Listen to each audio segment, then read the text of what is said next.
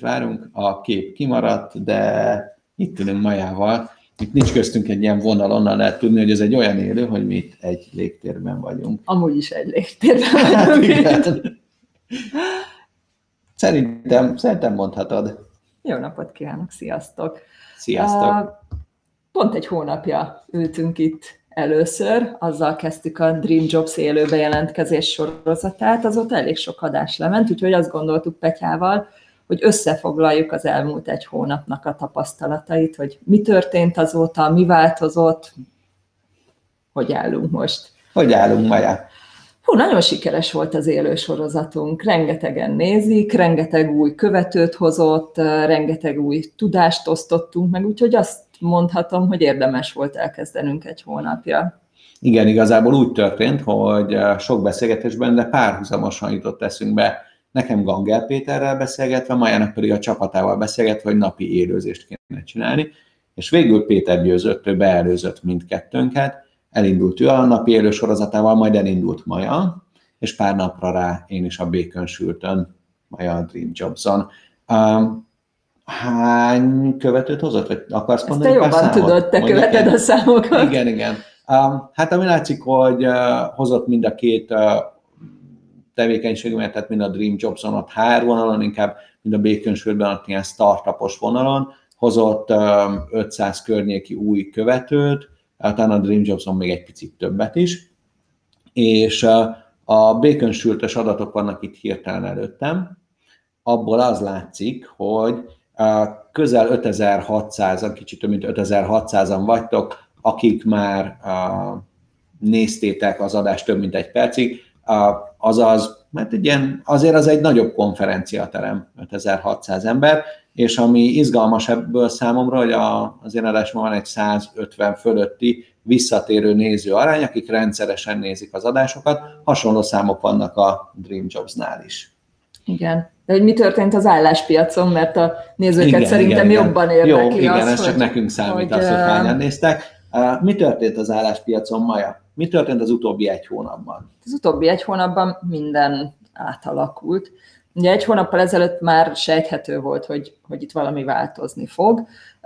Vannak nagyon jó számaink is, például most már a mi közönségünk a fehér galléros, városi értelmiségi álláskeresők, nagy része home office-ban dolgozik, és három hete, ezt már elmondtam valamelyik élőben, három hete csináltunk egy felmérést, akkor a, az emberek 33%-a mondta azt, hogy ő csak is home office-ban tudja elképzelni a, a munkavégzését, ez, ez a múlt héten lecsökkent 17,2%-ra, nem tudom a héten milyen eredmények Elsződött. születnének. Uh, Hát igen, jó a kávé, de nehéz koncentrálni otthon. Ugye valószínűleg ez a probléma, meg unalmas már a négy fal sokaknak. és a három gyerek sem könnyíti meg a, Így a van. munkavégzést.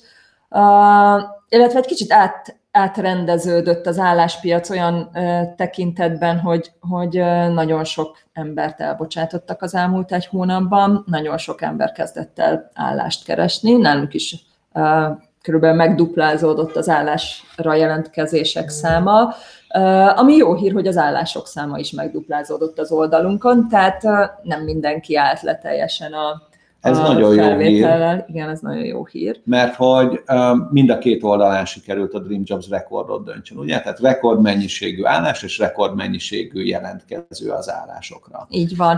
Uh, van egy másik szám, uh, hogy mi, az összetétele az álláskeresőknek az oldalunkon.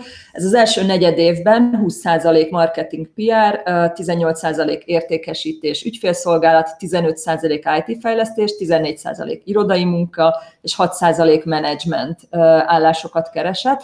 A márciusi számok ezzel ellentétben kicsit számomra megdöbbentő, hogy az IT fejlesztésben 28% keres állást, tehát a, a fejlesztői álláskeresők száma megduplázódott, vagy A Dream aránya a Dream oldalán, Jobs aha. oldalán De ez megduplázódott. mindenképp azért jelenti azt, hogy struktúrálisan a piacon is kellett változzon valami, mert eddig viszonylag nehéz volt lasszóval is összefogdosni az IT állásra jelentkezőket. Az, hogy ők amellett, hogy az összjelentkező szám is megdu- közel megduplázódott, hogy ezen belül a, az IT-s jelentkezőknek a részaránya is megduplázódott, ez egy nagyon jelentős össznövekmény, nem? Így van, így van. Mi lesz veled IT szakma?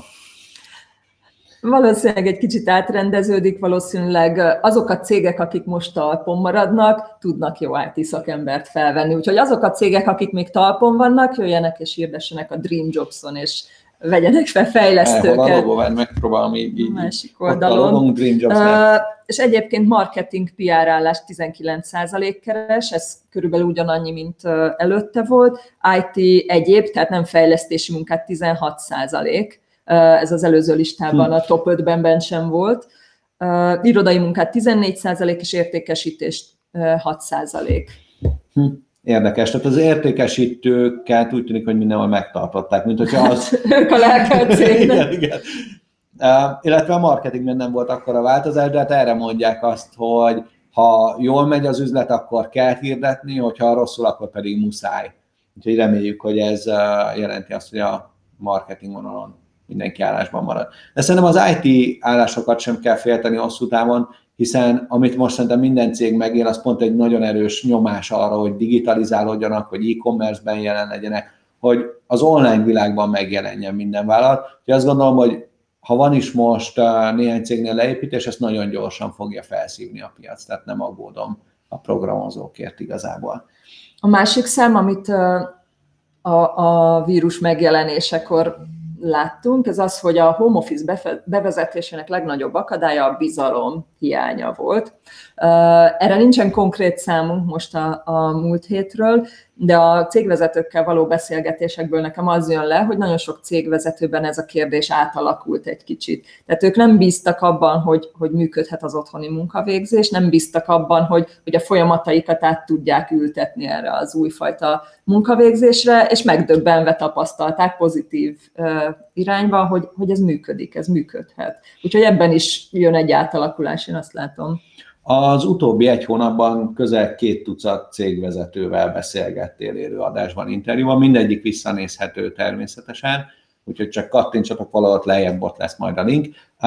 Mi volt neked az összképed, mi volt az összbenyomásod a két tucat interjúból? Mik a legnagyobb félelmei ezeknek a cégvezetőknek? Mik, mik a legnagyobb érzelmei ebben a pillanatban? Én azt látom, hogy mindenki próbálja a, védeni a dolgozóit, tehát próbál minden lehetőt megtenni annak érdekében, hogy megtartsa őket.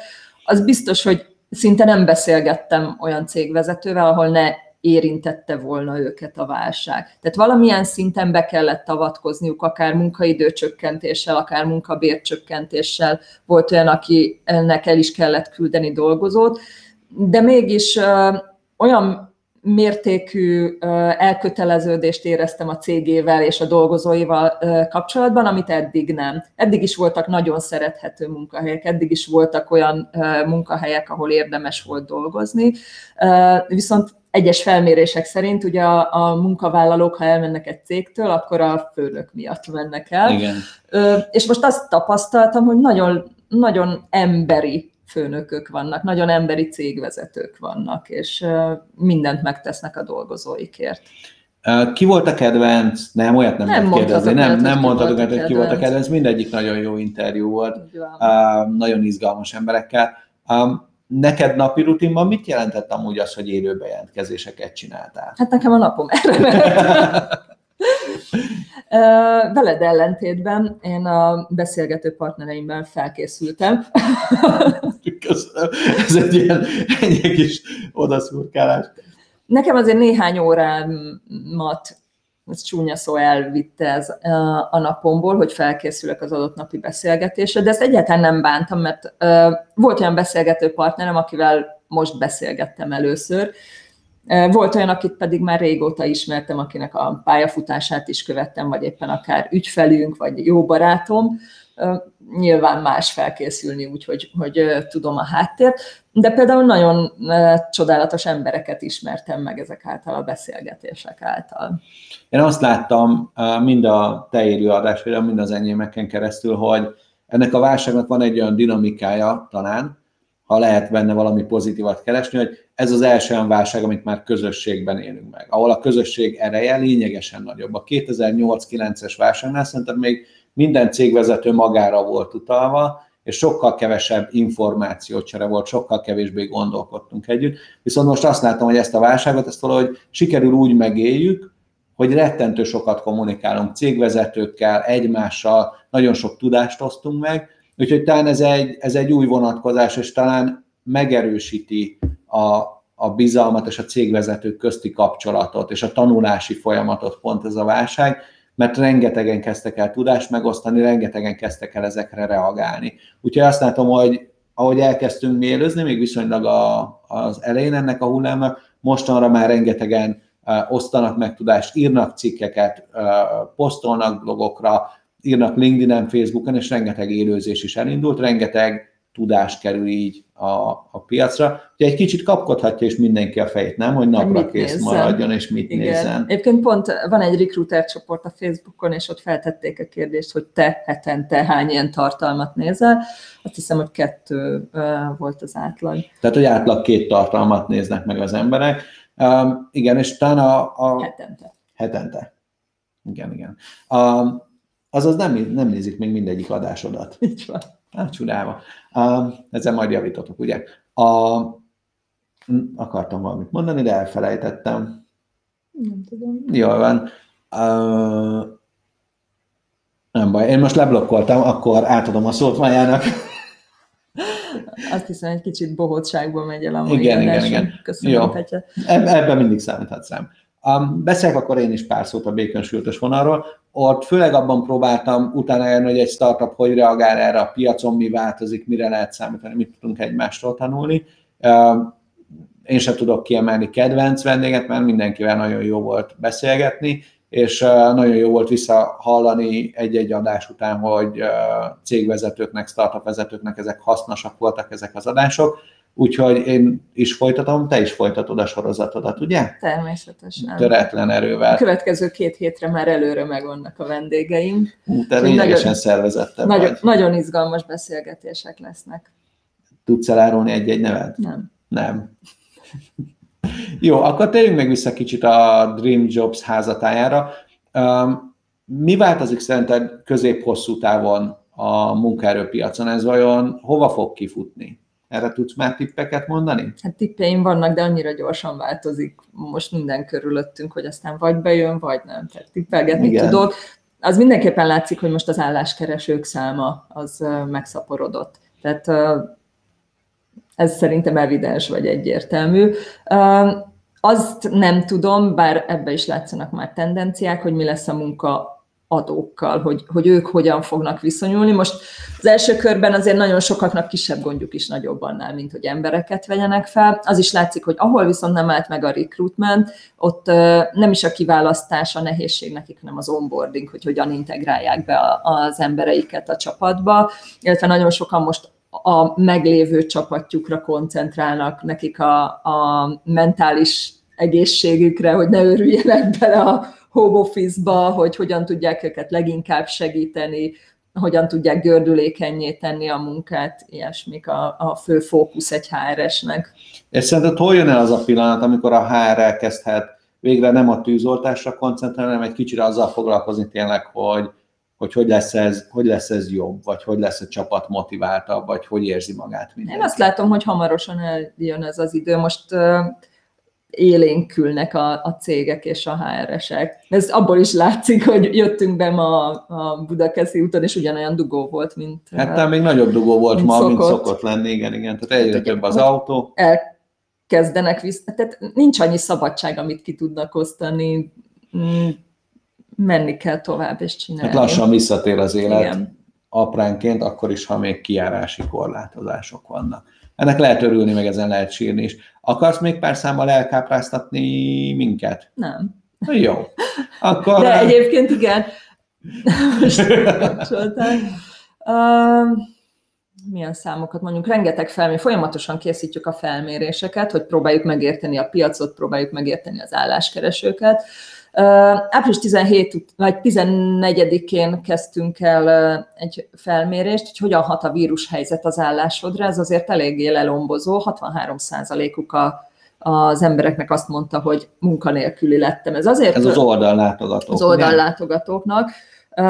Ez azért is érdekes, mert hogy az oldalunknak nagyon sok passzív munkakereső látogatója volt, vagy a passzívnak azt nevezzük, aki nem keres aktívan állást, de hogyha valami jó lehetőség van, akkor elgondolkodik rajta.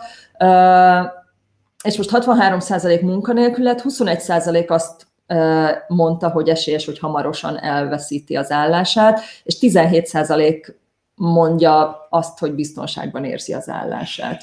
Ez azért elég nagy változás, mert normál békeidőben, itt a válságkrízis előtti időben um, szinte csak olyan látogatóink voltak, akik állásban voltak, jól érezték ott magukat, de nézelődtek, hogy hol lehetnének még jobb helyen a világban, és ez most egy nagyot változott ezzel. Um, remélhetőleg én azt, azt gyanítom, és a, az IMF adatok is arra mutatnak, hogy ugyan van most egy megugró munkanélküliség, de, de azt reméli mindenki, hogy idővel azért talán évvégéig ennek a, a rengeteg elbocsátott embernek lesz új állása, és újra fel tudja őket szívni a piac. De nyilván ez nagyon szektor specifikus is, illetve nagyon nagy ebben még a bizonytalanság. Valahol az a, az én várakozásom, hogy a, a megnőtt munkanélküliség utána visszacsökken, és talán jövőre már, jövő év végére tartunk majd legalább ilyen főbb mutatók szintjén ott, mint ahol idén év elején tartottunk. Tehát lesz egy két éves periódus, amikor, amikor azért többen lesznek állás nélkül. Igen. Ami még érdekes kérdés, hogy hogyan érinti ez a pályakezdőket az egész helyzet. Ugye most lett nagyon sok friss diplomásunk is, meg amúgy is. Igen, végre nyelvvizsga, két nyelvvizsga nélkül is Igen. lettek friss diplomások. Igen, ők még inkább azt nyilatkozzák a felméréseink szerint, hogy, hogy még inkább nincs lehetőségük arra, hogy állást találjanak. Hát igen. A tegnapi interjúban Táncos Péter mondott egy érdekeset egy IT cégre, aki az előző nagy válság 2008-2009 környékén, amikor látta már, hogy esik a megrendelés állománya, és le fog esni a bevétele, akkor nagyon agresszívan, gyorsan bocsátott el sok embert, és utána ők voltak az egyik elsők, akik a gödörből kifelé jövet, e, ezért tudtak agresszívan újra növekedni, és ezzel egy minőségi cserét hajtottak végre, ugyanis akiket elküldtek azok helyére ugyanannyi pénzért már jobb kollégákat találtak. Ez egy kicsit így közszívű, szarul hangzik. szarul hangzik, igen, tehát hogy agresszívan hangzik. A másik oldalra ez azért azt is jelenti, hogy akik most elveszítik az állásukat, köztük le vannak nagy munkatapasztalatú, nagyon jó munkaerő is, úgyhogy most érdemes felvenni ezeket az embereket, mert lehet, hogy ilyen embereket békeidőben nem lehet megszólítani, megtalálni, de tényleg ez azért azt is jelenti, hogy ha hirtelen nagyon sok jó szakember is elérhetővé válik nagy munkatapasztalattal a piacon, megfizethetően, akkor ez egy nagyon nagy nyomást helyez a pályakezdőkre. Ugyanis egy idő után mindenki ad le a bérigényéből, hogyha nem talál munkát, és így a pályakezdők a kevés tapasztalatukkal nagyon könnyen kiszorulnak, hogy, hogy nem tudnak olyan olcsón elhelyezkedni, amennyire megéri őket felvenni.